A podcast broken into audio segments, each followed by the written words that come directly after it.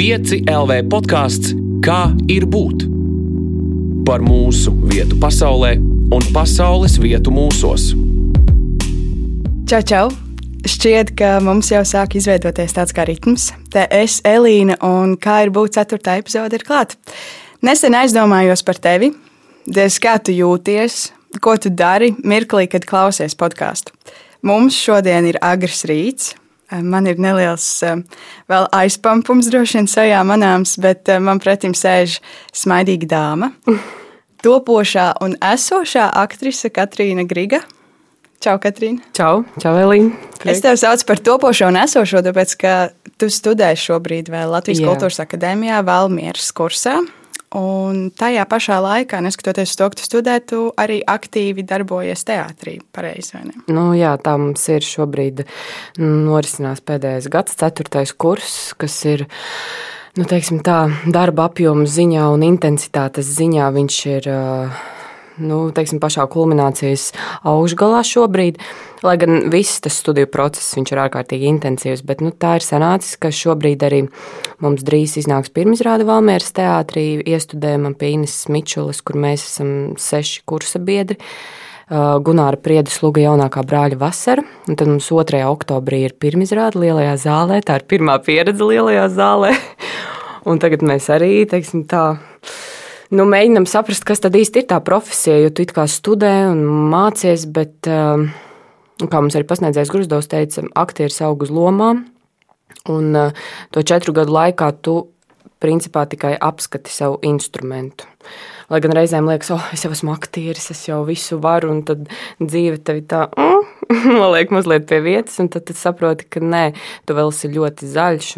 Tāpēc ir ļoti svarīgi, man liekas, īpaši šobrīd. Uh, ņemt pēc iespējas vairāk, darīt, uh, parādīt sevi tieši sākumā. Nu, Citādāk tas vilcieniņš viņš tā ātri iet, netiec viņam līdzi, viņš ātri paskrien, un tad ir grūti tikt atpakaļ tajā ritmā.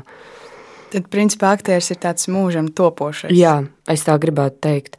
Kas ir ļoti interesanti īstenībā, es par to pati domāju, ka es kā cilvēks arī, es vienkārši ļoti bieži šobrīd sev uzdodu jautājumu, kādēļ es izvēlējos kļūt par aktrisi. Un es saprotu, ka es nevaru mm, ilgi atrasties vienā punktā. Un tad šī profesija ir tā, kas man dod to iespēju nemitīgi attīstīties visu laiku. Lai gan tur reizēm izveidos ļoti liela pretruna, ja es sev saku, ak, Dievs, es gribu apstāties, es gribu kā nu, visi normālie cilvēki nu, apsēsties, ievilkt telpu un būt mierā ar sevi, ar visu, bet tas ritms viņš tev neļauj to darīt. Un tad sanāk, tu sevi automātiski plēsi pušu uz visām pusēm. Un tad tur, tur sanāk tā, tāda attīstība ļoti liela, jo ar katru lomu kaut kas jauns, kaut kas nezināms. Un, bet tāpat laikā reizēm, reizēm nu, tie cilvēku res, resursi ir tik, cik viņi ir, un tad reizēm tu izsmelies pārāk daudz. Bet, bet laikam tāda ir mana būtība. Man vienmēr bijušas tādas pretrunas pašai sevi iekšā. Tad, protams, likumsakarīgi tāda arī ārējā dzīve, tas, kas tev iekšā, tas nāk uz ārā. Nu. Tā. Liekas, interesanti, ka tu saki, ka tev gribētos tāpat kā visiem normāliem cilvēkiem Jā. būt mierā un tam līdzīgi. Tev liekas, ka visi normālie cilvēki, respektīvi, ne aktieri, ir mierā ar sevi.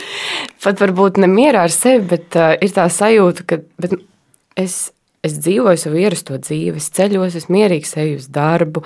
Es, um, ir šī, man ir brīvdienas, jā, un es nerunāju par sevi. es runāju par, par tiem cilvēkiem. Ir brīvdienas, tev ir personīgā dzīve. Bet, uh, tā ir normāla cilvēka dzīve. Un es tagad to, es par to runāju ar smaidu un prieku, bet reizēm tas ļoti sāp, nu, ka tā nav. Un tur, tur ir tā tāda. Hmm. Bet es saprotu, ka mums katram ir kaut kāds savs.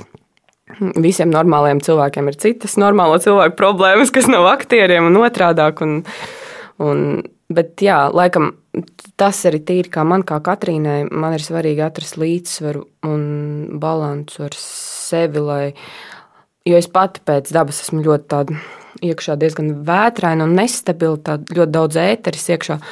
Un tad, um, esot tajā profesijā, kas to arī visu laiku plēš un tevi un tā un šitā, tad ir ļoti svarīgi vienkārši kaut kur atrast to stabilitāti, nu, lai, es, lai es pati tā kā nu, lai es būtu stabili. Jo ir gadījies visādi dzīvē, un tur es vairs negribētu nonākt tajos periodos.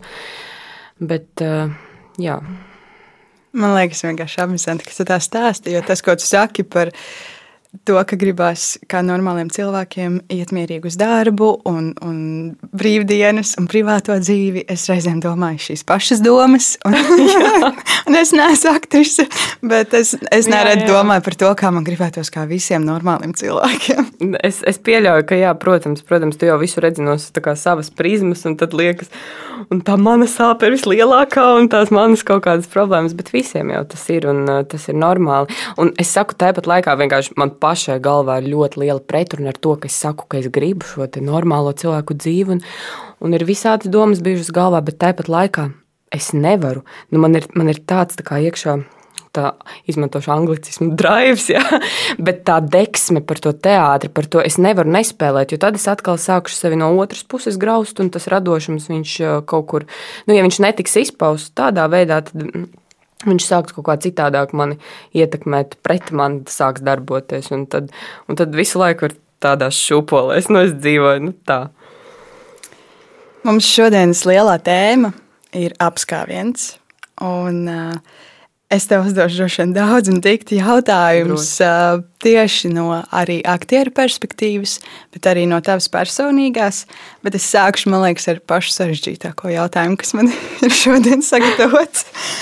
Kas bija pirmais? Mīlestība vai apskāviens? Mīlestība. Mīlestība bija pirmā. Jo es vispār esmu sapratusi, ka mīlestība tā, tas ir nu, patiesi tāda tīra, esenciāla mīlestība, tas ir retums, un viņa dzīvē piemeklē tevi ļoti reti. Un, un tas notiek reizēm visstulbākajās vietās, visstulbākajos apstākļos, bet tas ir tāds zibens, vienkārši iesper, un vai viņš ir vai nav. Un, bet es pieļauju, ka tas arī var būt ļoti dažādi, bet manā gadījumā tas bija kaut kas tāds tā enerģētiski, tas pirmais.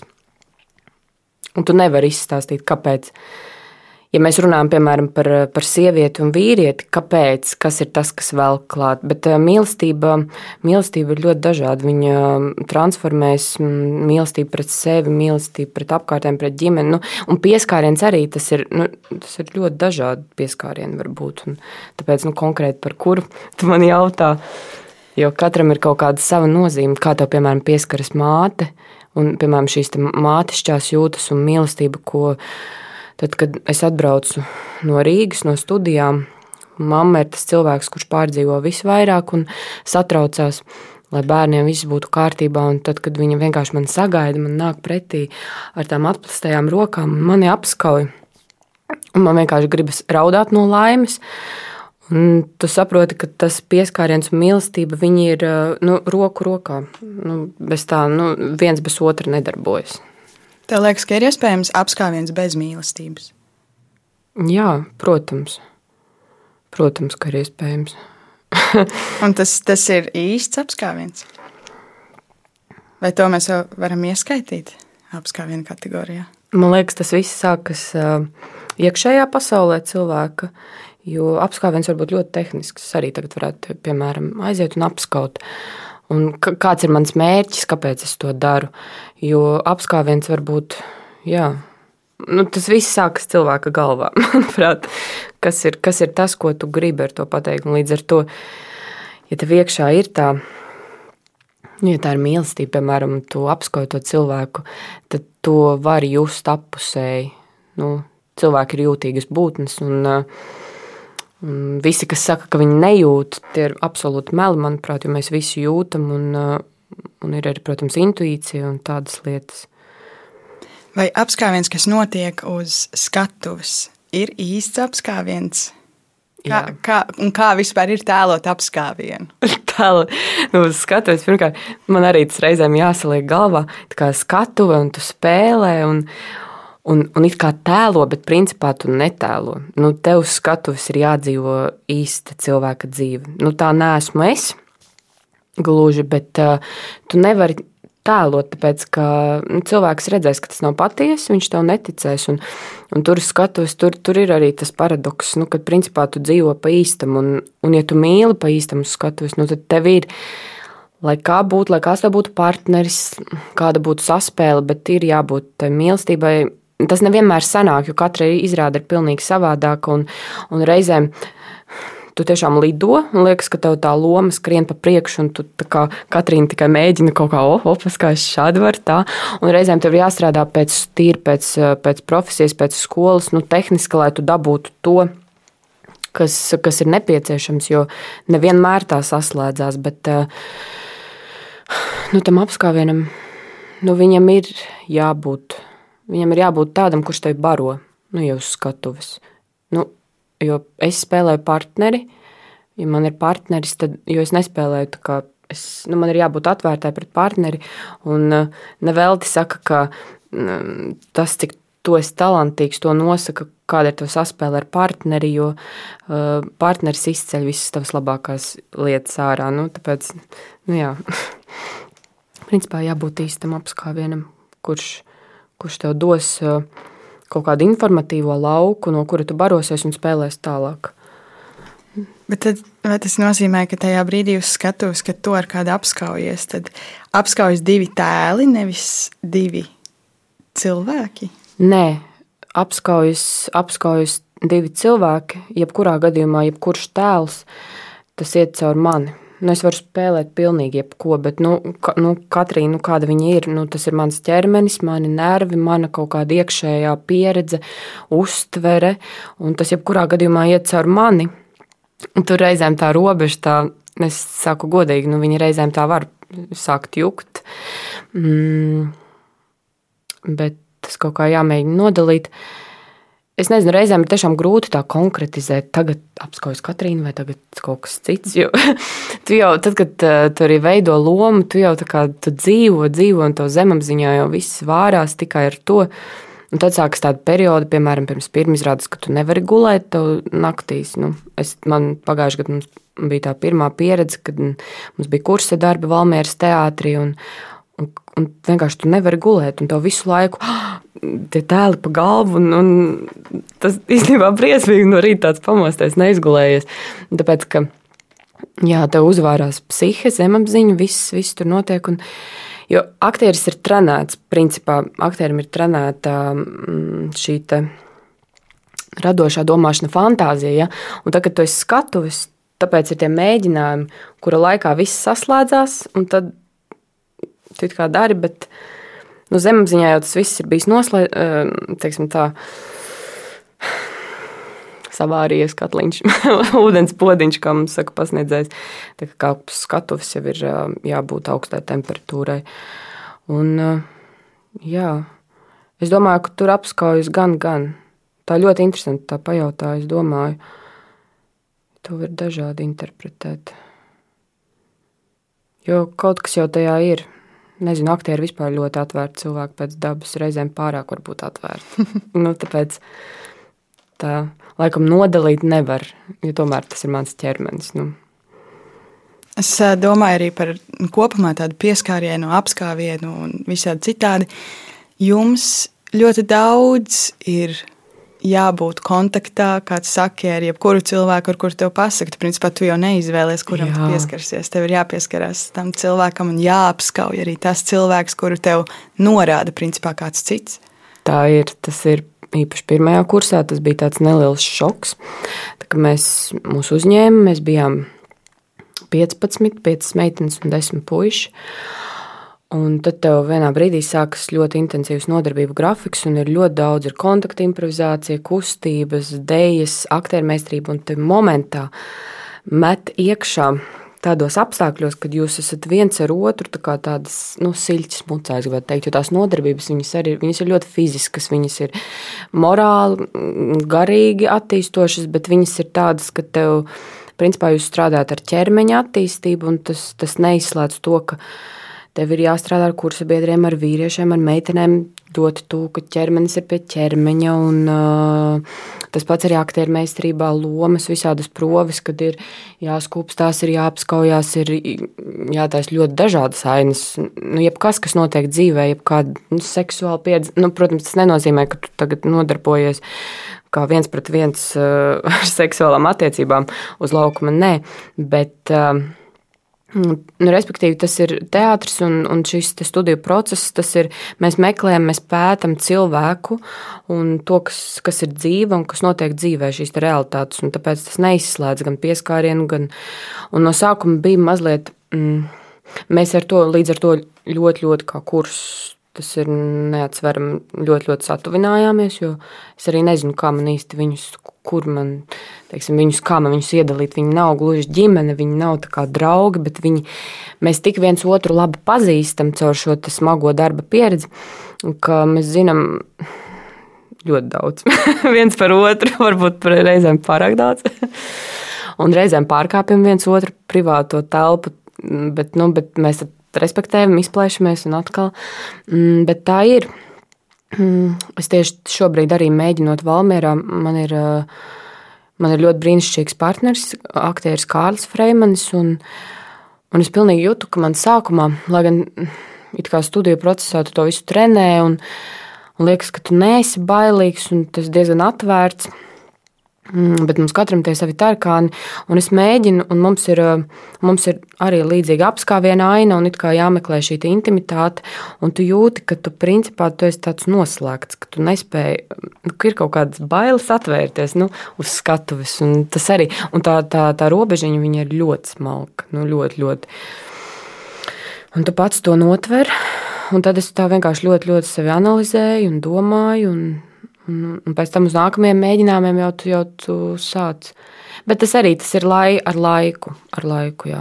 tas, tas nāk ar laiku. To nevar tā uzreiz izplēst laukā. Lai gan nu, skola to dara, bet nu, kā cilvēks tu, tu, tu ej līdz tam ar laiku. Jā. Nu, tā ir tie pieskārieni daudz. Tāpēc, piemēram, cilvēki mm, no malas to nevar saprast. Nu, arī, uh, Uh, ko jūs tur tajā akadēmijā tik ilgi darat, bet mums vēl līdz 11, 12 naktī, ja kā kurš tā mācās tik daudz, un, un kā jūs tur visi tik tuvu varat būt. Un, un, bet uh, tā tāda pilnīgi cita mazliet pasaule, jā, laikam tā varētu teikt. Esot tajā pasaulē, tu apskaujies, tu pieskaries, um, tu kā nodrošini kaut kādā ziņā tādu pieskārienu normu, ja apskāvienu normu. Vai ir tev kādreiz bijis tā, ka tu esi visu dienu apskāvusies ar visiem saviem kursabiedriem, piemēram, bet tu aizēji mājās, un tev liekas, ka tev gribas, nu, lai kāds tev pa īstam samīļo. Protams. Tas bija, tas bija izteikti, tas bija grūtākais patiesībā šo triju gadu laikā, jo šai profesijai un uh, studiju procesam vispār ir tāds, tāds niķis. Labi, es negribu teikt to par niķi, bet uh, nu, visiem mums pazuda personīgās dzīves, pazuda viss, kas bija līdz tam. Visi draugi, viss, un tas bija ļoti grūti. Tas bija grūtākais, jo šajā mācību procesā arī un tas, ka tu visu laiku esi kontaktā ar otru cilvēku. Un, un nav svarīgi, kas tev notiek tavā reālajā dzīvē, bet tev ir jānāk un tev ir jādara. Un, um, un sev visu laiku jārauj no visām pusēm, un tevi tur plēš, un tā pasniedzēja to un to saka. Un, Un, uh, un tu atnāc mājās, tu esi pilnīgi viens, tu atnāc naktī, tu, tu izēj no rīta, ir tumšs, tu atnāc mājās, ir tumšs, tu esi pilnīgi viens. Vienkārši iztukšots, tik iztukšots, ka tev nav spēka parunāt. Nu, vienkārši no šis radošais process, viņš uh, ļoti daudz patērē enerģiju. Ne tikai fizisku, bet arī garīgu, morālu. Un, uh, un piemēram, man nu, kā Katrīnai, man, man sākās ļoti liels psihozes tajā brīdī. Jo, mm, Nu, jā, ja mēs tā runājam par personīgu pieredzi, tad tas arī bija tas laiks, kad, nu, kā jau teicu, pazuda viss. Ja bija kādas attiecības, tas viss pazuda un skola pārņēma. Un sākās pilnīgi kaut kāds cits laikmets dzīvē, un ar to bija ļoti grūti sarast. Es teikšu, pat varbūt gandrīz trīs gadus. Mm, un pieņemt to, ka tagad dzīve būs tāda, nu, un tu pati to izvēlējies. Jo visu laiku bija tāda ļoti liela pretestība. Bet, nu, jā, tas, ko tu saki, jo tie apskāvieni, viņi ir, it kā viņi ir patiesi, un viņi viss tas ir, bet tas, tas nav, mm, tas nav tād, tāds apskāviens, kā mēs sākām sarunu, kad tu teici par mīlestību, nu, kad īsta mīlestība tīra, kā cilvēkam pret cilvēku, kā man. Uh, nevis kā aktrisē, bet man kā sievietei, un tas ir pavisam kaut kas cits. Un tas es teikšu, ka vienā brīdī tas sāk vairāk no tevis paņemt tavu iekšējo spēku, nekā tevi barot, atbalstīt, stiprināt. Tu vari kaut kā, es nezinu kā, bet aprakstīt to, to apskāvienu, kas tev tajā vakarā aiziet mājās pietrūka. Jā, um, nu, tagad es esmu atradusi tādu apskāvienu. bet uh, apskāviens, kad, mm, kad tu vienkārši tu pilnībā jūti, ka tu saplūsti ar to cilvēku. Viss, kas ir bijis, viss satraukums, viss kaut kāds uh, iekšēja, iekšējais nemieris, ļoti, ļoti vienkāršs pieskāriens, pastāstīšu. Un man šobrīd, šobrīd esošo draugu, kad uh, tik vienkārši pieskāriens, ka te uzliek plaukstu uz pieres, un tev liekas, ka tev pilnībā noņem visu saspringumu, visu, tev iestājas pilnīgi tāds miers, tā kā, nezinu, tāds Buda jūties Indijā kaut kur meditējot. Man, man, es nekad dzīvē ne, nebiju iedomājusies, ka man tik spēcīgi nostrādās šāds pieskāriens, ka tu jūti, ka viņš ir mīlestības pilns, bet viņš ir tāds mieru, mieru, viss būs labi, viss būs kārtībā. Roka, nu, teiksim, pareizā roka uz pareizās vietas, viņa vienkārši izdarīja brīnumus. Un, un es, es pilnībā jutos tā, kā es būtu meditējusi, nezinu, attīrījusies kaut kur diezgan ilgu laiku. Un, Jā, jo, jo reizēm visspēcīgāk darbojas tie pieskārieni, kas tieši nav šie parastie, kad nāc tevi apmīļošu, apķeršu, tur tagad nospiedīšu. Bet tādi vienkārši mazi pieskārieni, nezinu, pie, pie dēlnes man vienmēr ir bijis ļoti tāda, kad tu vienkārši tu, tur, kur tā asinsrite, kur viņi ir vistuvāk kādai, un tad tu vienkārši pieskarās, un tu, tu jūti to maigumu. Man ir ļoti svarīgs šis maigums, un, un reizē arī tā sajūta, ka, ka man ir kāds man ir klints, lai es nekur, ne, kā es teiktu, neaiz, neaizpeldētu, neaizlidotu pa gaisu. nu, tā. Skatoties uz mūsu sabiedrību un skatoties uz to, kas notiek apkārt, mēs um, tās klišejas, kā reizēm frāzes, ja mēs esam tik saistīti kā vēl nekad agrāk. Mēs varam sazināties eh, jebkurā sekundē ar jebkuru cilvēku pasaulē, principā, mēs varam būt non-stopā saziņā, mēs varam facetaimot un zoomot, un arī tagad pandēmijas laiks bija tāds, kas mūs eh, it kā nu, virtuāli satuvināja. Bet eh, tīri teorētiski mums kā cilvēkiem trūkst tās fiziskās attiecības, tie fiziskie pieskārieni. Un, um, daudz saka, ka tas ir tāds. Uh, mūsu paudzes, mūsu laikmeta kaut kādā ziņā nu, nelāsts, ja, bet uh, kaut kas, kas mums nāks atpakaļ, ja mums vienkārši trūks pieskārienu. Kā, kā tur augies pasaulē? Vai mēs esam pieskārienu deficīta laikmetā? Es domāju, ka noteikti mēs esam. Um mēs virzamies kaut kur, mēs virzamies ar vien tālāk un tālāk no, se, no sevis, kā no cilvēces un no sava personīgā es, ar vien tālāk un tālāk, jo es uzskatu, ka personīgais es, mēs nākam no dabas un ir ļoti svarīgi viss šis fiziskais um, arī kontakts un Un šobrīd laikmets ir tāds, ka mēs tiešām ļoti no tā virzamies projām. Un līdz ar to paši sevi ieriebjam. Bet uh, tas arī ir. Es reizēm skatos un smējos, bet es zinu, ka es pati varbūt neesmu īpaši labākajā ar šo telefonu. Un, un, uh, bet uh, es aizēju uz kafejnīcu un skatos, sēž pārīts. Un man ir uh, arī mūžīgā tendence visu analizēt, redzēt, tā, tas tur tā, ko viņš tur domā. Nu, tas ir vienkārši ieslēdzis tāds profesionālais kretīnisms nu, par darbu, un tu visu pēti un, un domā, kaut ko paņem sev un kaut ko nozodz, ja, kā aktieris, bet tu skaties, un tie cilvēki, viņi sēž, viņi ēd vakariņas, viņi runā, bet principā viņi visu laiku sēž telefonā, visu laiku, un viņi viens otru vispār neredz, viņi neuztver, Un man liekas, kas ir pats trakākais, ka ar to visu tiešām notrulinās viss, viss, viss tev ķermenī, kā uztvere un jūtīgums, un tu, tu paliec tāds, tāds nekāds mehānisks, viss dzīve ir labi. Um, ir tikai telefons, un tu nespēji otru cilvēku tā patiesi uztvert. Un tā komunikācija izveidojas tādu grūti noraksturot. Jā, tu kaut kā tu noslēdzies, tu Jo šobrīd tas informācijas laikmets ir arī tik pārpildīts, un tā informācija ir tik daudz, ka vienā brīdī, kāpēc arī šobrīd, labi, es varbūt mazliet novirzos no temata, bet uh, cilvēks ļoti meklē kaut kādu balansu, jogas, meditācijas, pareizās ēšanas, visu. Jo um, šis laikmets vienkārši ir tik strauji, ka pati cilvēka daba netiek tam līdzi. Un es arī to bieži sevi esmu izjutusi. Es atnāku ar draugiem, un, un mēs sēžam telefonos, un tad nē, es likšu nost. Es vispār gribās tādu telefonu detoksu uztaisīt reizēm, ik pa laikam. Un, It kā, jā, it kā mēs esam tuvāki, vai ne? Mēs uzrakstām viens otram, mēs, mēs visu laiku esam pieejami, bet tāpat laikā tās sarunas, viņas,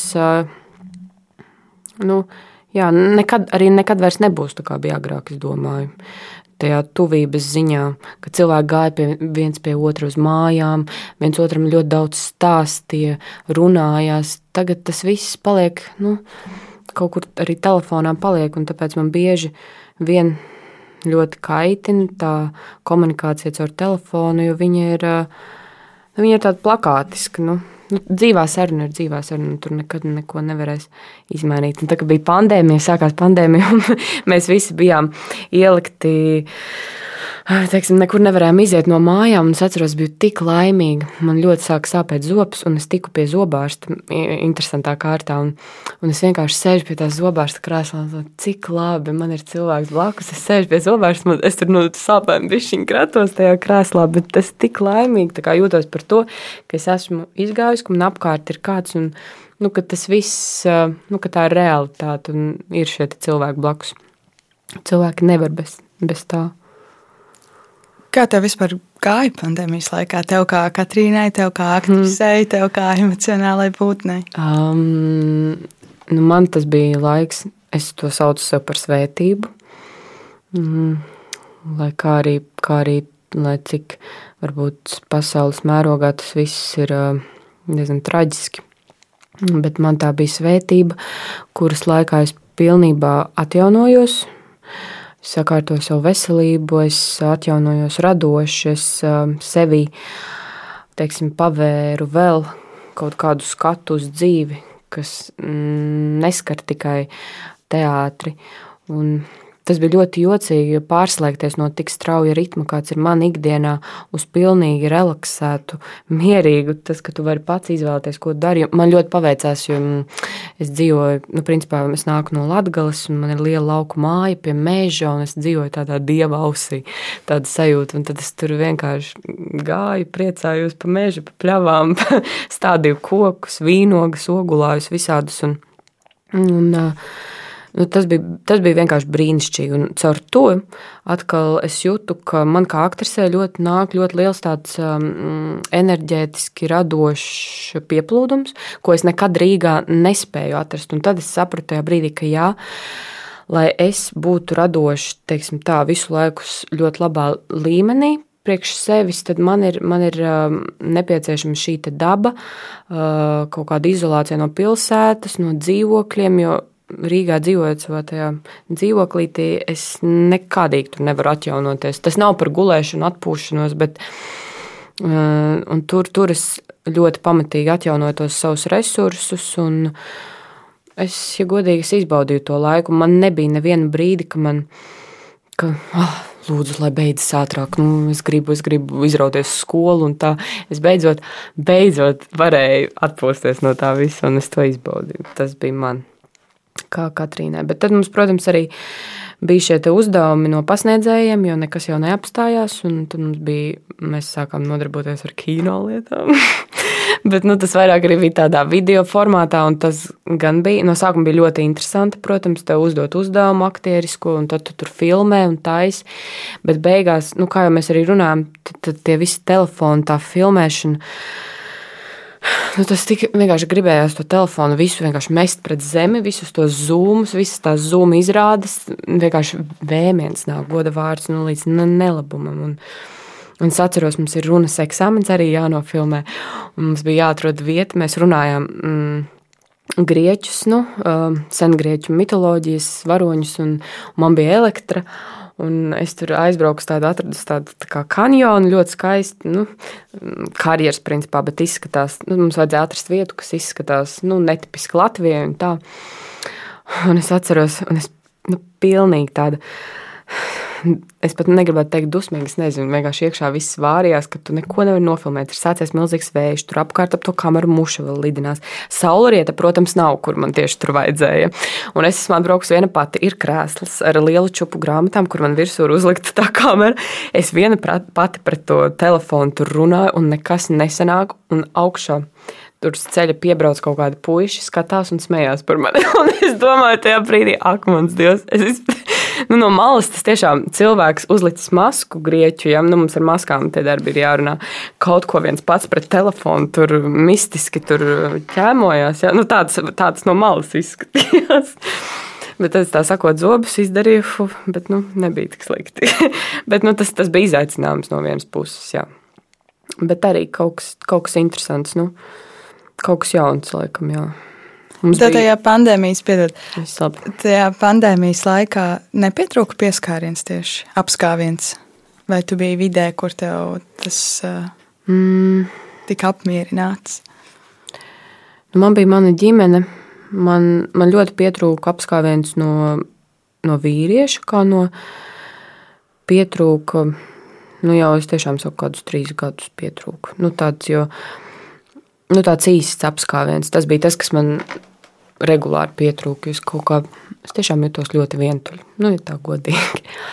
Un, eh, un tas, un ir jā, ja tev ir draugi, tev ir ģimene, tur, tur viņiem runā, un viņi redz, ka kaut kas nav labi, un, un draudzenes tur viss labi tur runā ar mani, un es tevi tur apmīļošu, un visu, bet tas ir kaut kas cits, tā, tā arī ir mīlestība, bet viņai ir, eh, cilvēkam ir svarīga arī tā mīlestība, kas nāk. Um, no pretējā dzimuma. Tas ir ļoti svarīgi. Un mēs tieši ar kursu biedru vienu arī runājam, un ļoti bieži man ir mana labākā draudzene, kur arī nesaprot, kā tā var būt. Jūs esat, nu, piemēram, meitenēm, ja? aktrises. Oh, super, jūs, jums viss ir, jūs esat skaistas, labas, viss ir. Kāpēc, kāpēc šajā periodā, arī kad ir studijas, kāpēc nu, vispār nekā no personīgās dzīves, no kaut kādām attiecībām, nekā no tā nav. Tu neko nevari atrast. Tu esi, kāpēc tas tā ir? Un kāpēc, piemēram, sievietēm, aktrisēm arī, nu, protams, visādi var būt romāni, viss kaut kas, bet principā arī, kad tu nonāc teātrī, ir ļoti grūti ar personīgo dzīvi. Un es arī par to daudz domāju, un, un tā, tas bija lielākais jautājums man, ka es negribu tā, man ir ļoti svarīga tā profesija, bet es negribu tā nodzīvot, ka man nu, nav otras puses. Nu, Un tad es sapratu, ka tas darbs, viņš, kā man atrast šo balansu, bet tas bija lielākais pieskāriens, kas man pietrūka. Man pietrūka viņš pilnīgi līdz kaulam, tā ka līdz kaulam tu vienkārši ej naktīs gulēt. Un, nu, tā kā tev ir cilvēki apkārt, viss ir labi, bet tu jūties viens. Nav nozīmes, jo vairāk tev cilvēku apkārt, jo vairāk tu esi skatuves, jo vēl vientuļāks patiesībā jūties. Jo skatuve ir tāda arī diezgan vientuļa. Nu, tā aktiera profesija patiesībā. Nu, tā, tas bija, jā, tas man pietrūka tajā brīdī. Vai var apskaut pats sevi? Nu, Piedod, vienkārši es atcerējos. Jā, es domāju, man vēl mamma arī saka tajā pandēmijas laikā, nē, nu labi, viss, bet, nu, nu tagad sākās pandēmija, nu tagad vīru tiešām neatradīs tiem, vai draugu tiem, kam bija, nu tie jau atrada viss, tagad ir izolācija, nu tagad jums viss par vecmeitām uz visu dzīvi jākļūst. Es domāju, nē, tikai ne. Bet tu atradi? Nu, atradi, jā. Atrada. Beidzās pandēmija, tad atradās, jā, viss. Mm, tā. Labi, Jā, es gribēju jautāt par um, to, vai var apskaut pats sevi kaut kādā veidā. Vai kas ir tie veidi, kā tu sevi samīļoji? Tu, jūt, tu saki, ka tu jūties vientuļa. Mm -hmm. kā, tu, kā tu parūpējies, kā tu apmīļo pati sevi? Tad, kad man Mm, es teicu, ka man bija sācies tāds periods, kurā es biju nu, sajukus prātā, lai neteiktu vairāk. Mm, tad es ļoti daudz sāku meklēt variantus, kā vispār sev palīdzēt. Jo es sapratu, ka ir, nu, ir ļoti nu, traki, ja? un um, no psiholoģiskā viedokļa. Un tad es sāku arī man vispār ļoti, ļoti interesē psiholoģija un tādas lietas, un es lasu. Un, uh, man ļoti liekas interesants šis tēma par savu iekšējo bērnu. Mm, kurš mums katram ir, vienalga, cik tev ir gadu, 80, 50, tas, tas nav nozīmes, tam nav. Mm, un tad bija tāda. Bija tādas reizes, kad es ļoti apzināti sāku runāt ar savu iekšējo Katrīnu, ar to mazo meiteni, un jautāt viņai dažādus jautājumus, un arī mēģināt saņemt atbildes, un mēģināt viņu samīļot, nomierināt. Jo es sapratu, ka viņa ir tā, kas ir. Mm, kas jūtas nedrošībā, ka viņa ir tā, kas man ir jāatbalsta. Jo es šobrīd labi es veidojos par sievieti, jā, es eh, pieaugu, bet ir ļoti svarīgi neatstāt novērtēt to mazo Katrīnu, kas turpat vien iekšā ir un viņa vienmēr būs. Un tad tad es mēģinu caur šo sarunu pati sev. Teiksim, notiek kaut kas, kas man uztrauc. Kas, kas ir tas, kas man uztrauc? Kas notiek? Kā tu jūties šobrīd? Viss kārtībā, es tepat vien esmu, es ar tevi būšu. Jo tad, kad tev nav blakus šī cilvēka, tad ir jāmēģina tiešām. Bet, jebkurā gadījumā, arī ja tev ir šis cilvēks, nu, tu, tu esi pats par sevi. Tu vienmēr tu nāc šajā pasaulē viens, un tur aizies viens pats. Un tas ir ļoti svarīgi. Un tad tie apskāvieni ir jā, kad es, es mēģinu apskaut nevis sevi kā nu, Katrīnu tagad strapskoju, bet to, to mazo Katrīnu, kura satraucās iekšā. Un, un ir ļoti viegli tagad par to runāt. Pārsvarā ir tā, ka tu, mēģini, tu ignorē un, un tad tu vienkārši. Bet mēģināt, laikam, kaut kā vērsties ar, pret sevi ar mīlestību, tas nav viegli. Nu, manuprāt, nu, man tas nāca grūti patiesībā. Lai, lai, lai cik tas it kā jocīgi varētu būt, kā, kā tu vari sevi nemīlēt, bet nu, tā bija. Man pat vajadzēja mācīties, atļaut sev brīvdienas, paņemt kādas. Man tas bija kaut kas, nu, ja, jā, ja citiem vajadzētu varbūt vairāk strādāt, tad man, man vajadzēja, kā man atļaut sev brīvdienas. Es nedrīkstu, nē. Un es sevi, teiksim, tā novedu līdz tādai stadijai, nu, kad, nu, loģiski, nu, tagad, tagad ir jānotiek kaut kādam lielam lūzumam, jo, nu, tā. Un tad es atkal tad es nonācu pie šī, ka tev ir ļoti jārūpējas par sevi, tev ir jāmīl, tev ir, jo tev ir dots tikai viens ķermenis. Un, un tas viss atspoguļojās. Tas viss atspoguļojās tavā psiholoģiskā veselībā, arī fiziskajā. Un, nu jā, rūpēties, mīlēt, apskāviens man pašai. Mm. Es vienkārši. Es mēģinu, varbūt nevienmēr tas apskāviens tā, bet uh, es mēģinu atrast vienkārši kaut ko labu, kas man iepriecina. Un tas ir tas mans apskāviens pašai priekš sevis. Kā tu nonāci līdz tam brīdim, kad saprati, ka tev pašai sevi vajag samīļot? Nu, mm, mm -hmm. Tad, kad tu visu sev veltījis tikai darbam, tu esi nonācis milzīgā izdegšanas posmā, tev sākusies pilnīgākā psihoze, tev viss, viss ir sašķīdis, viss, kas tev dzīvē ir bijis svarīgs, vai kaut kādas tavas motivācijas, tavs iepriekšējais dzīves ceļš ir sašķīdis drumslās. Nekas no tā nav nostrādājis. Tavs ego ir saplīsis. Viss, viss tas, kā tu dzīvoji līdz šim, principā ir beidzis pastāvēt ļoti konkrēti vienā punktā. Un tu kā cilvēks, tu esi, tavs prāts ir sadalījies vairākās daļās. Um, Un tad vienkārši saprotu, ka nē, tā dzīvot nevar. Kaut kas ir jādara. Tas nav vairs tas nav normāli.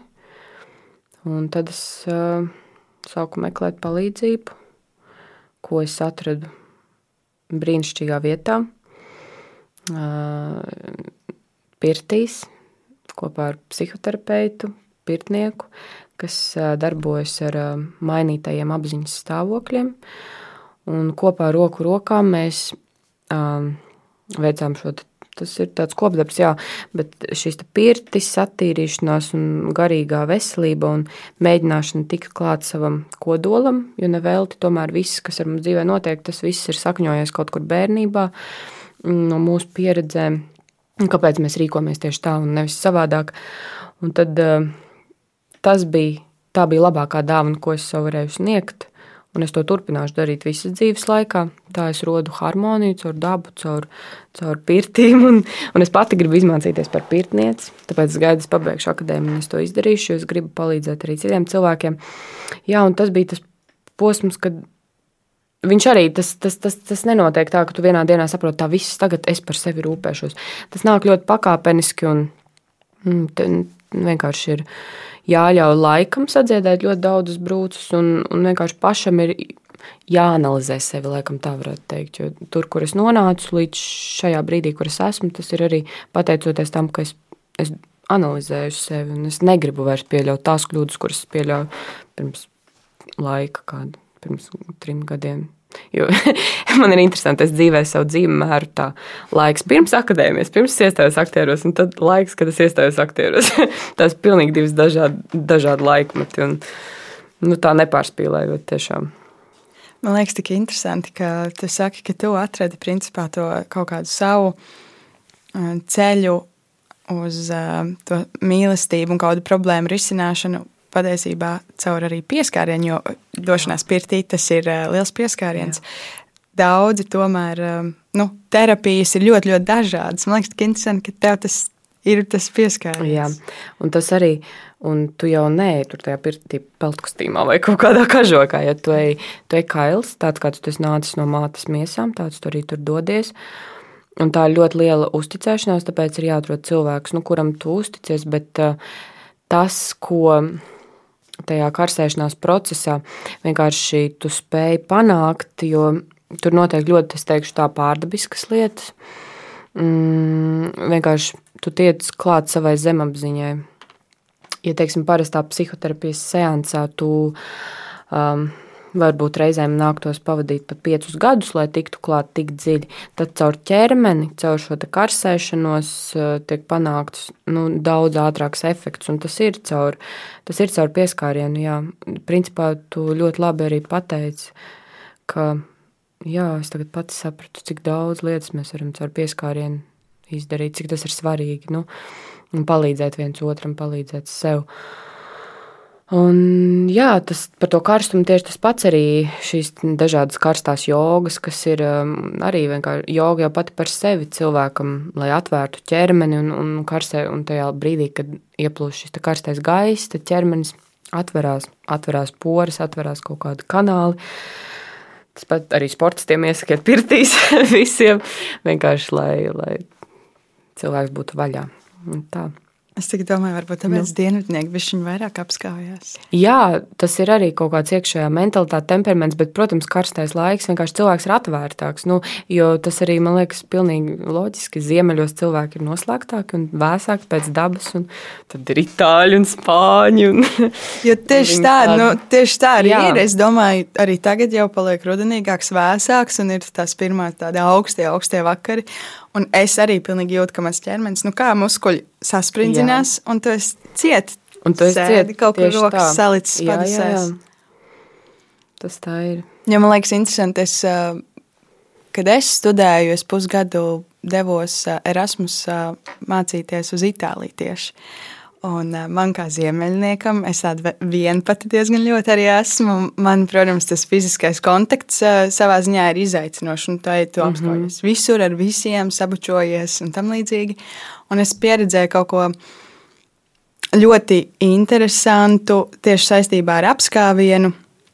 Man atbrauc draudzene ciemos uh, no Nīderlandes, un viņi prasīja, Elīna, kad tu pēdējā reize apskāvies?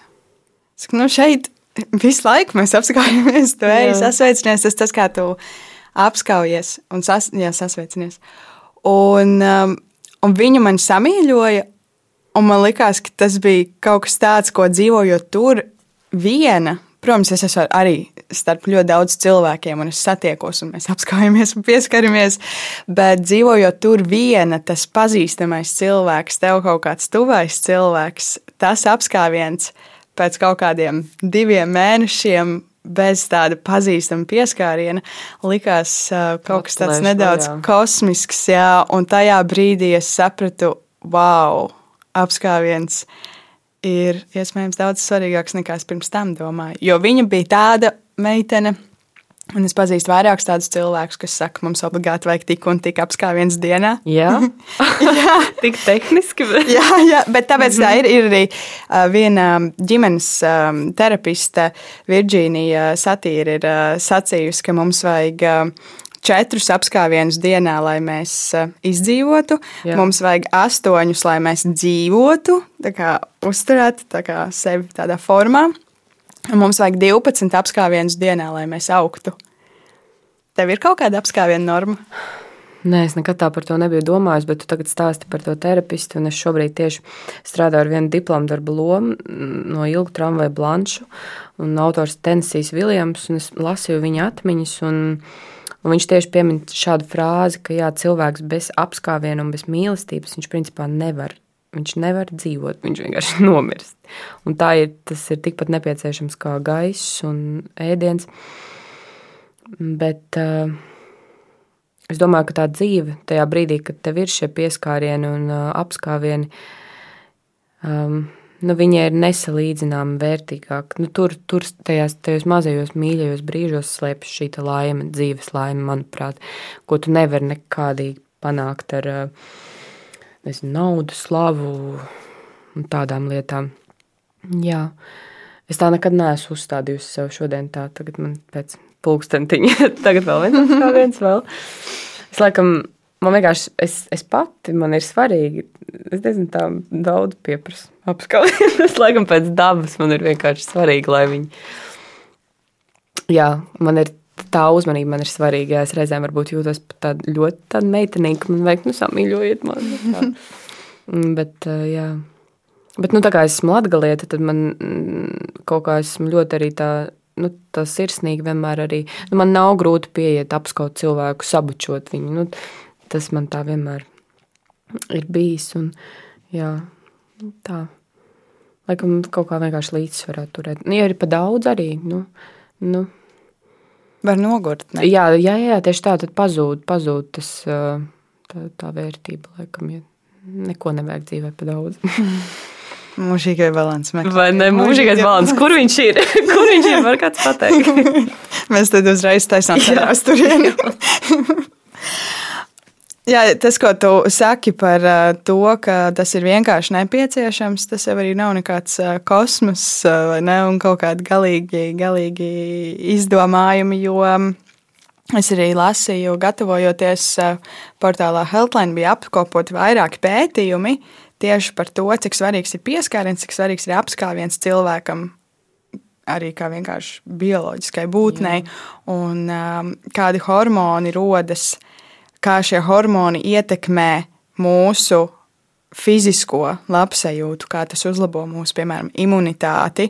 Uh, un, uh, un, jā, un arī tajā pašā laikā par šo tādu mentālo veselību, ka mēs apskaujoties, mums ir mazāk bail piemēram, no nāves. Un, un, un pat nevajag vienmēr, eh, tur bija ļoti interesanti, ka nevajag vienmēr apskaut obligāti cilvēku. Tu pat vari apskaut, nezinu, plīša rotaļlietu vai koku. Es jā. apskaujos ar kokiem, piemēram, un runājos. es tev atklāju savu noslēpumu. Bet... Kā tu jūties, kad apskaujas kokiem? Nu jā, es, es jūtos nu, tādu tik, tik mierīgi, laikam, jo tas, ko es daru, es apskauju to koku. Un es iztēlojos, ka viņa saknes, ka arī man kā cilvēkam, kā Katrīnai, man ir tieši tādas pašas saknes, un es esmu ļoti stabila zemē. Un tad tu reizēm to, to ļoti interesantā sajūta, ka tu skaties uz koku lapotni, un ir vējš, Un tu pat tu jūti to, kā viņš kustās, nu, to pulsu, kas ir iekšējais kokam. Tad liekas, wow. Nu, es tieši tādu pati esmu. Ja? Nu, tā man, man ir tāda pati dzīvības sula plūst. Un, jā, man ļoti, ļoti, ļoti svarīga ir daba. Un tas, starp citu, jā, arī, arī vēl viens pieskāriena veids. Kā, un, un reizēm, tad, kad man ir kāds jautājums, un es nevaru rast atbildi, nu, nevēl te saka, visas atbildes tomēr slēpjas mūsos pašos, bet kā caur dabu, caur uh, caur kokiem, caur pļavām, caur uh, ziediem un tās pašas pirtis. Tas ir, man tas ir tāds templis, kurus atjaunojos un saņemu tādu svarīgu informāciju sev no visuma. Jā. Jā, interesanti, ka tu arī par to dabu runā. Jā, arī caur to pašu pieskārienu perspektīvu. Jā, tas jā. nav vienkārši skatīties, Tieši ka viņi tā, ir, bet tas ir sajust, tas ir pieskarties. Sajust, jā. un kādas sajūtas, un arī tik dažādas faktūras, tekst, tekstūras. Nu, tas ļoti Mm, un smarža, jebkurš maņu orgāns īstenībā arī tas, tas ir ļoti, ļoti svarīgi visai mentālajai veselībai. Arī tajā pat pirtī, kad strādā pirtnieks, jā, ir, ir pieskāriens, ir, ir, ir stiprāks pieskāriens. Tad ir um, šī aromaterapija, kas nāk no, no dažādiem augiem, kas uz taviem smadzeņu centriem iedarbojas ļoti dažādi nomierinošs efekts un, uh, un pieskāriens arī Es uzskatu, ka karstais gaiss un ūdens saskarē ar tavu ādu, tas arī ir pieskāriens. Un tas, tas viss rada jebkādu efektu, nu, ļoti būtisku efektu, un, un tad, tad tu vari attīstīties tālāk. Jā, ka man liekas, šo mūsdienās arī cilvēki tā ļoti burtiski uztver lietas. Nu, pieskāriens, tad nu, es tev reku pieskāros.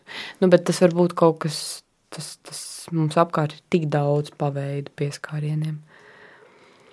Un, ja mēs nedaudz atgriežamies pie tādas mūsu telefona pasaules, ja, jā. tā komunikācija tur ir, es viņu gribētu saukt par tādu plakanu, jo nav šī pieskāriena opcija. Tev nav ļoti daudz opcijas. Mm. Pat tad, ja tas ir piemēram video zvans vai kaut kas tamlīdzīgs, tu tāpat tās redz tikai kādu fragment, un tu nespēji nodot to, ko tu varētu nodot, Tieši esot tā. klātienē. Bet vai šajā laikmetā ir iespējams nu, apskaut attālināti, vai esot kaut kur prom, es varu tevi apskaut kaut kādā veidā? Nu, to noteikti var. Tu domā, caur, caur telefonu tieši sazināties arī? Nē, nē. Vai? vienkārši. Vai jebkāda, ir jebkāda iespēja, ka var apskauties no attāluma? Mm, jā, es domāju, ka jā, bet tas notiek uh, caur teiksim, ir šis te cilvēks, kurš ir tālu attālumā, un jūs, jums pirms tam ir nodibināta saikne, jūs um, iekšēji viens otru jūtat. Man tiešām pašai ir bijusi tāda pieredze, kad man ir slikti, tad cilvēks vienkārši attālumā esot arī sajūt, ka ir slikti, un to arī varētu nosaukt par šo pieskārienu, vai tā pati māte arī, kas, kas uh, vienkārši at, esot kaut kur tālu projām, viņa jūt, kā jūtos es. Viņa man pēc tam zvana, Katrīna, tev kaut kas viss labi, es tur redzēju tādu sapni un to. Un, un kad tas attālums, tas reizēm tā ļoti relatīvi. Nu, mm, es domāju, ka ir, bet šis pieskāriens, viņš nu viennozīmīgi viņš nav fizisks, viņš ir garīgas dabas un tāds netverama kaut kāda enerģija, bet uh, kas ir iespējama, manuprāt. Un, kādas ir tavas domas par uh, emoji, jeb emociju ikonām. uh, sajūta, piktogrammas, jā, cik ļoti tās sākušas saistīt kaut kādus. Labi, viens ir vārdus, mm. bet otrs uh, tur var, aizsūt, var aizsūtīt kaut kādu apskāvienu, emociju, un tu jūties uzreiz tāds samīļots. Nē, nu labi, nu ir tās dažas tās emocijas, ja tur atsūta sirsniņa. Oh, nu, tas reiz tāds sajūta, oh, cik īpaši, ja man atsūta sirsniņa. Vai tur atsūta, piemēram, kaut kādu tā mūžīgā sēņa, kur ir tas viena piemiegta acis, un viss labi. Un tā piemiegta acis, un es domāju, kaut kas tiešām nav labi, ja to sēņu atsūta. Nu, viņi ieņēmuši šobrīd, man liekas, pasaulē tik lielu tiešām lomu, nu, visas šīs emocijas, tās bildītas. Bet, nu, Nu, laikam tā ir. Nu, ja godīgi, ja man tagad pateiktu, pilnībā dzīvot bez telefona, nu, es domāju, ka, bet, nu, ja, tu, tu kā? Kā, kā to darīt? nu, arī tas būtu sarežģīti. To varētu, tas būtu parādītos daudz vairāk laika. Tas gan. Bet uh, hmm, tas emocijas. Nu, tā jautri. jautri, ka viņas ir. Nu, tas tomēr, man liekas, jebkurā gadījumā mazliet um, atdzīvina to um, sarakstu. Nu, kad, mm -hmm. kad viņi pirmkārt paliek krāsaini, jo cilvēks ļoti daudz arī uztver caur krāsām pasauli. Un, um, jā, nu, es domāju, ka nav slikti, ka viņas tur ir. Nu, tad vismaz ir interesantāk.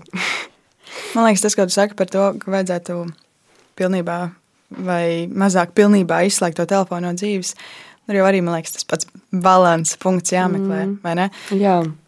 Jo ir taču ļoti liela ieguvuma arī no Protams. tā, ka mums uh, ir viņi kabatās vai uz galdiem vai kaut kur citur. Jā, jā, jā, es arī tā domāju. Tas, tas nebūtu, manuprāt, gudri, ka es šobrīd pilnībā izslēgtu šo opciju. Man liekas, jebko, ko tu tā drastiski sev dzīvē, tā ļoti drastiski sevi kaut kā to es noslēdzu, to es izslēdzu. To es. Tad vienā brīdī tas psiholoģiski paliek mazliet neveselīgi, jo tu, tu, tu par to domā un tu sevi tā hop, hop, tā ir naza tā kā griez apkārt sev kaut kādas robežas, kad ļauties tomēr dzīvē šim laikmetam, viņš mums piedāvā telefonu, vienkārši ļauties tam mm, tai pasaulē, bet nu, mm, nepalikt tikai tur. Bet nu, būt arī šeit. Jā, vai var pilnībā ļauties, vai nevajag kādreiz kontrolēt? Es arī domāju par, um, par apskāvieniem, par ļaušanos un kontroli. Ir skaisti ļauties, bet vai nav tomēr arī apskāvieni, no, kuri, no kuriem kaut kādā ziņā jāuzmanās? Mm, protams. Vai, vai kaut kā kontrolēt to savu Zin, fizisko tēlu? Reizēm, reizēm pat, kad tu, pat, tu, tu mīli un tā, iekšējās kaut kādas iekšējā pieredze, pagātnes pieredze. Mm, tev liek aizslēgties ciet, un tur tāds, ne, nu, vēl nelien man tā tik tuvu klāt, uh, nu, ka tu tomēr Tā ir, tā ir. Ak, Dievs, man ir bijuši dažādi gadījumi arī, kad cilvēks tik brutāli iebrien vienkārši tavā nu, fiziskajā telpā uzreiz, kas tev automātiski rada tādu bloku, un tāpat vairs negribas vispār iepazīt to, vispār necik. Mm, tā ir. Un es saku, ļoti, tas, tas tiešām ļoti interesanti, kad reizēm arī tik vienkārši, ka kaut kādas iepriekšējās pagātnes pieredzes tev neļauj izbaudīt šo pieskārienu. Lai gan tu kā mīli un tu priecājies un viss ir labi, bet tev, acīm redzot, kā cilvēkam, kaut kas vēl mazliet ir tajā pakāpē diezgan traumēts, un tu nespēji atvērties. Pilnībā saplūst. Tu visu laiku tā ir tā kontrole, ka, ja tagad es atvēršos, tagad es atdošos, tad uh, šim pieskārienam mani sāpinās. Nu, ļoti bieži arī tā ir. Nu, ka tu, tu, jā, tu pats sev arī neusticies. Un, bet tur jau ir, man liekas, tas, tu atveries un ne, nevajag baidīties dzīvē. Laikam. Tu esi kādreiz baidījies no apskāviena? Mm. Jā, un tad, tad man Un tad man, man ir tāda mūžīgais, tagad jau, protams, to es saprotu, bet mūžīgā aizsarga reakcija, tāda smiekli. Nu, man, kad es ļoti daudz smējos, un, bet nu, no apskāviena. Nu, zin, grūti pateikt, baidījusies, varbūt nu, tā ļoti baidījusies, laikam, nē, nu, grūti jā, tā konkrētāk kaut kā man tā varētu pajautāt. Es vienkārši domāju, baidījusies, nu, no kā tieši baidījusies. Ja baidījusies, teiksim, ja runa par, par otru cilvēku, kā par dzīves partneri, un, un baidījusies atvērties viņam, tad jā, mm -hmm. bet baidījusies kā fiziski, jo es esmu tomēr arī aktrise, nu, tas, tas nāk līdzi, mm, tad no tā es varu ļoti daudz nebaidīties arī. Un, bet, uh, Tagad atcerējos, ja piemēram runā par, par šo kontaktu. Man arī es biju uz kino provēm, vienai filmai, un tur bija tāds uzstādījums, ka, saka, nu tad būs aina, kur jābūt kailam, un noteikti šī te, tev ir partneris, ar kuru jūs mīlēties, un tā. Un man tad gan man bija bail. Nu, no tā, ka tu saproti, ka. Un tu saproti, kas ir tavs darbs, labi, bet tu nekad nezini, kas tur beigās sanāks. Un, un arī nu, tas ļoti sarežģīti tā Nu, tomēr jā, ar to ķermeni vienmēr tā ir bijis. Jo nu, aktierim instruments ir ķermenis, vienmēr tā ir bijis un būs. Un tad tas jautājums, jā, tad sevi nolikt pilnīgi malā, tas ir tavs darbs. Un, un tur var tiešām ļoti lielu mākslu no tā uztaisīt. Un tāpat laikā, bet tomēr tas ir mans ķermenis, un man varbūt negribas tā nu, pilnīgi kailai. Nu, nu, tāds un tādi jautājumi. Nu, ja par bailēm, tad Par to man ir bijis tā baila. Bet tad nu, es tā padomāju, un tā, un, nu, jā. Jā, tas tāds neiedomājams izaicinājums. Tas ir izaicinājums, jā. Un, un tad ir, piemēram, arī nu, mamma, kas pasaka, ka viņa man nepiedot, ja, ja viņa man redzētu uz ekrāna kailu. Nu, tā, un, un kad apkārtējiem cilvēkiem jā, tas ir pilnīgi savādāk kaut kā, bet arī man pašai izaicinājums. Bet, nu, jā, tajā studiju procesā tu izdevi visu, visu kaut kam cauri, un tāpat esam redzējuši viens otru kailu, kurus tu biedri. un tā, bet kaut kā, laikam, man priekš sevis arī šobrīd attīstoties kā aktrisē, ir, ka nebaidīties no sava ķermeņa. Tas ļoti liels izaicinājums, no ar kuru vēl aizvien nevar kaut kā nebaidīties no sava ķermeņa. Tas ir mans ķermenis, un viņš ir tāds, kāds viņš ir. Man liekas, tas visu dzīvi būs tāds, tāds process. Man liekas, viens ir arī tā, nu, tā tīrā, tā ķermeniskā pieredze, nu, kas ir tiešām es ķermenis, un Jā. es nebaidos no tā, kas es esmu. Jā. Bet tas jau pat apskāviens, nemaz nerunājot par kaut ko vairāk, mm -hmm. man, man pat apskāviens liekas kaut kas intīms. Nu, tā ir, jā. Un, un tas man liekas pat ir nu, izaicinošāk. Mm. Viens ir, ok, es kā vienkārši kā ķermenis, kā organisms esmu kails, jā, bet tas jau Protams. nav tikai fiziski. Tas nav, jā. Nu, jā, tā intimitāte vienmēr, tas, kas ir tāds tīrs un esenciāls, tas vienmēr būs arī tāds mazliet biedējošs, man liekas, nu, arī kā aktrisē, tāds mazliet izaicinājums. Tāpēc tas, ko es sākumā teicu par to atvēršanos, nu, atvērties, nebaidīties.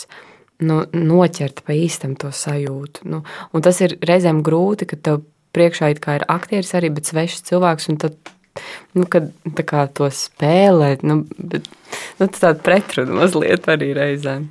Bet tas ir tāpēc, ka mēs arī esam tikai jauni un zaļi. Vēl. Vēlāk tā nebūs. jau... Nezinu. Un te noslēdzot, man jau ir kaut kāda atbilde radusies šo jautājumu, vismaz pēc tevis runājot, un kā tu varētu atbildēt arī uz to. Bet tev apskāviens ir rituāls vai ceremonija? Nu, man pirmais galvā ienāca rituāls. Tiešām? Jā. Tas kaut kā ceremonija. Ceremonija kronē kaut ko. Es vienkārši... Tāpēc, ka tas arī, manuprāt, ir.